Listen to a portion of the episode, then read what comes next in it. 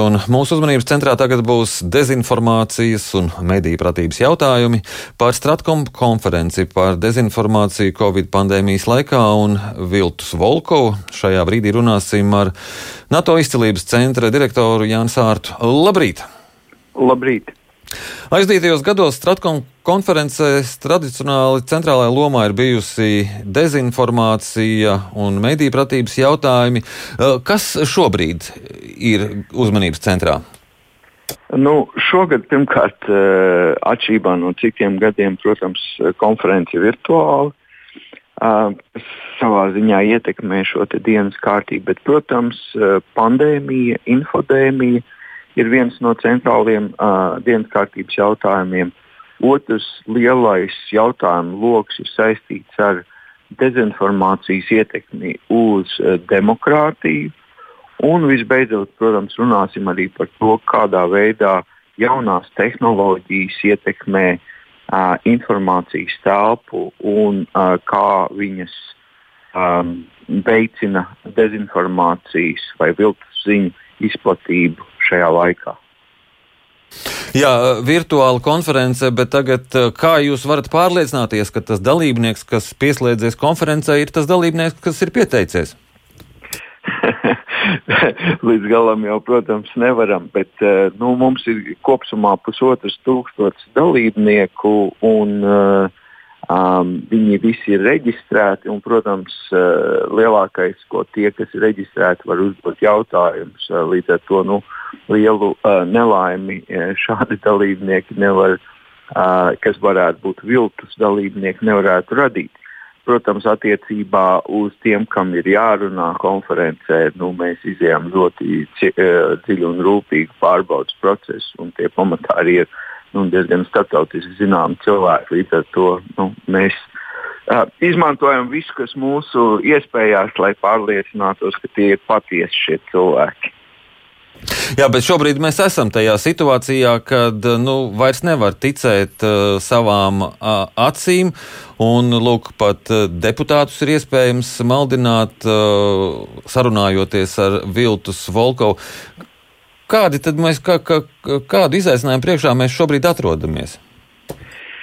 Nu, jā, tam dēļ jau mēs eh, vairākus gadus kopš runājam uh, par dezinformāciju, mēs vienmēr runājam arī par tehnoloģiju attīstību. Šis uh, tā saucamais uh, deepfakes, jeb uh, dziļais viltojums, um, Nu, protams, tehnoloģiski ir viena no tādām pamanākām lietām, kā tehnoloģija var izmantot, lai izplatītu dezinformāciju. Un vienlaicīgi, protams, viņa ļoti spēcīgs piemērs un ar vien lētāks un vienkāršāk sasniedzams, bet nebūtu nevien, vienīgais. Otra lieta, piemēram, ir uh, uh, lielajos datos balstītā dezinformācija, uh, kur cilvēka dati no interneta tiek paņemti un dod iespēju uzzināt visu, kas nepieciešams par pašu cilvēku. Kādi vēl mums ir šie iespējamie draudi? Nu, draudi ir, protams, daudz un dažādi. Un ir gan valstu radīti draudi, ir interešu grupu radīti draudi, kas mēģina iegūt kaut kādu peļņu vai ietekmi, un ir uh, individu radīti draudi, uh, kas mūs ietekmē. Bet lielākais, manuprāt, šobrīd ir tas, ka dezinformācijas un uh, viltus ziņas ietekmē mēs redzam, sāk uh, grūt. Uh, de, demokrātijas pamati.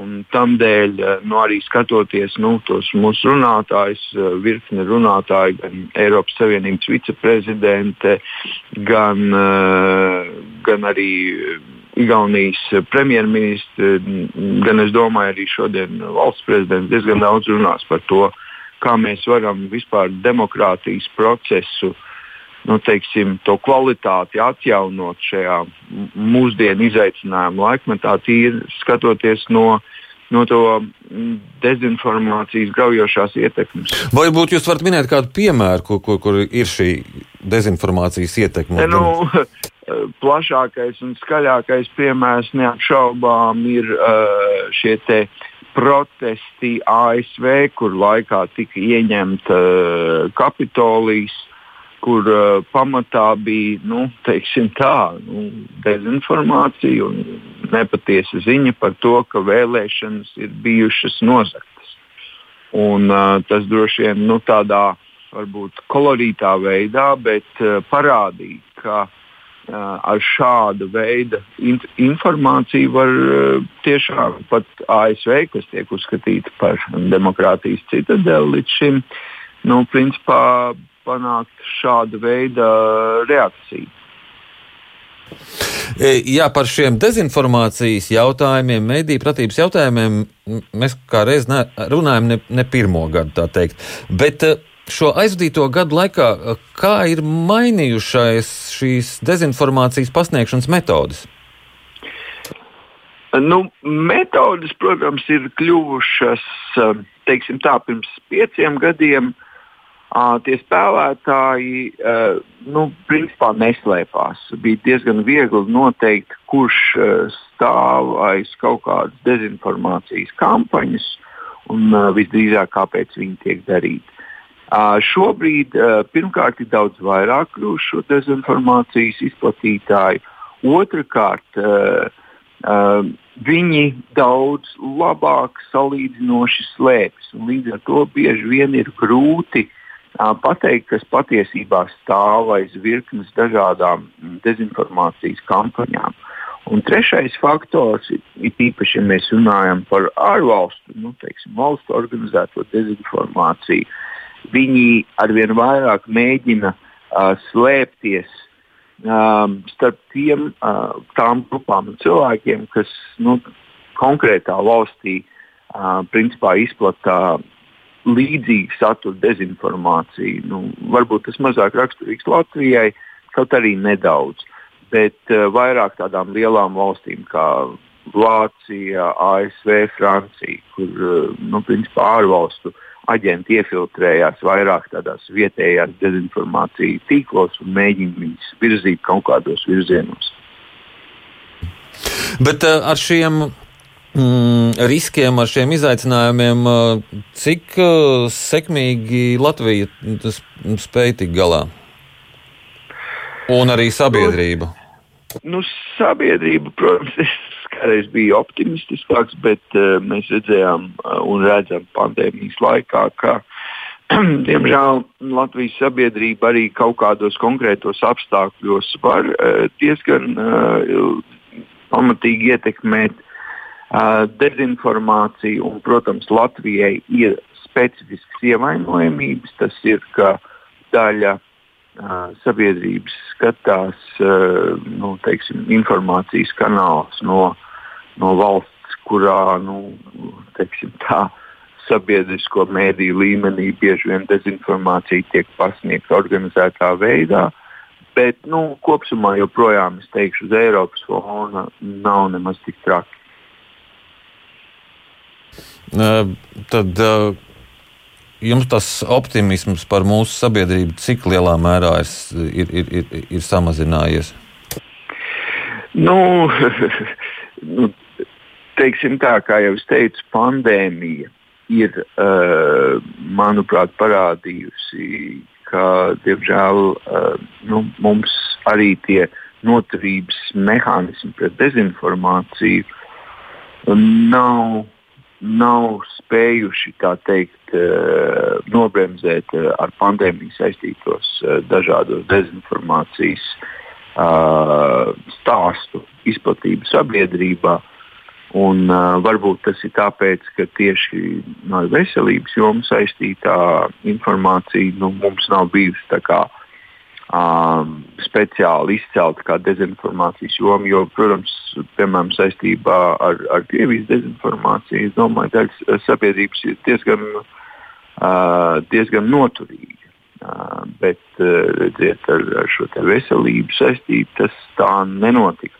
Līdz ar to es teicu, tas ir tāds zināms pārsteigums. No otras puses, eh, protams, mēs neesam unikāli Eiropā, principā visā Eiropā vai, vai te pašā ASV, ja principā visā pasaulē šī ar pandēmiju saistītā dezinformācija ir diezgan uh, plaši izplatīta. Tā kā, nu, nav tā situācija, manuprāt, īpaši laba, bet viņa nav laba globāli.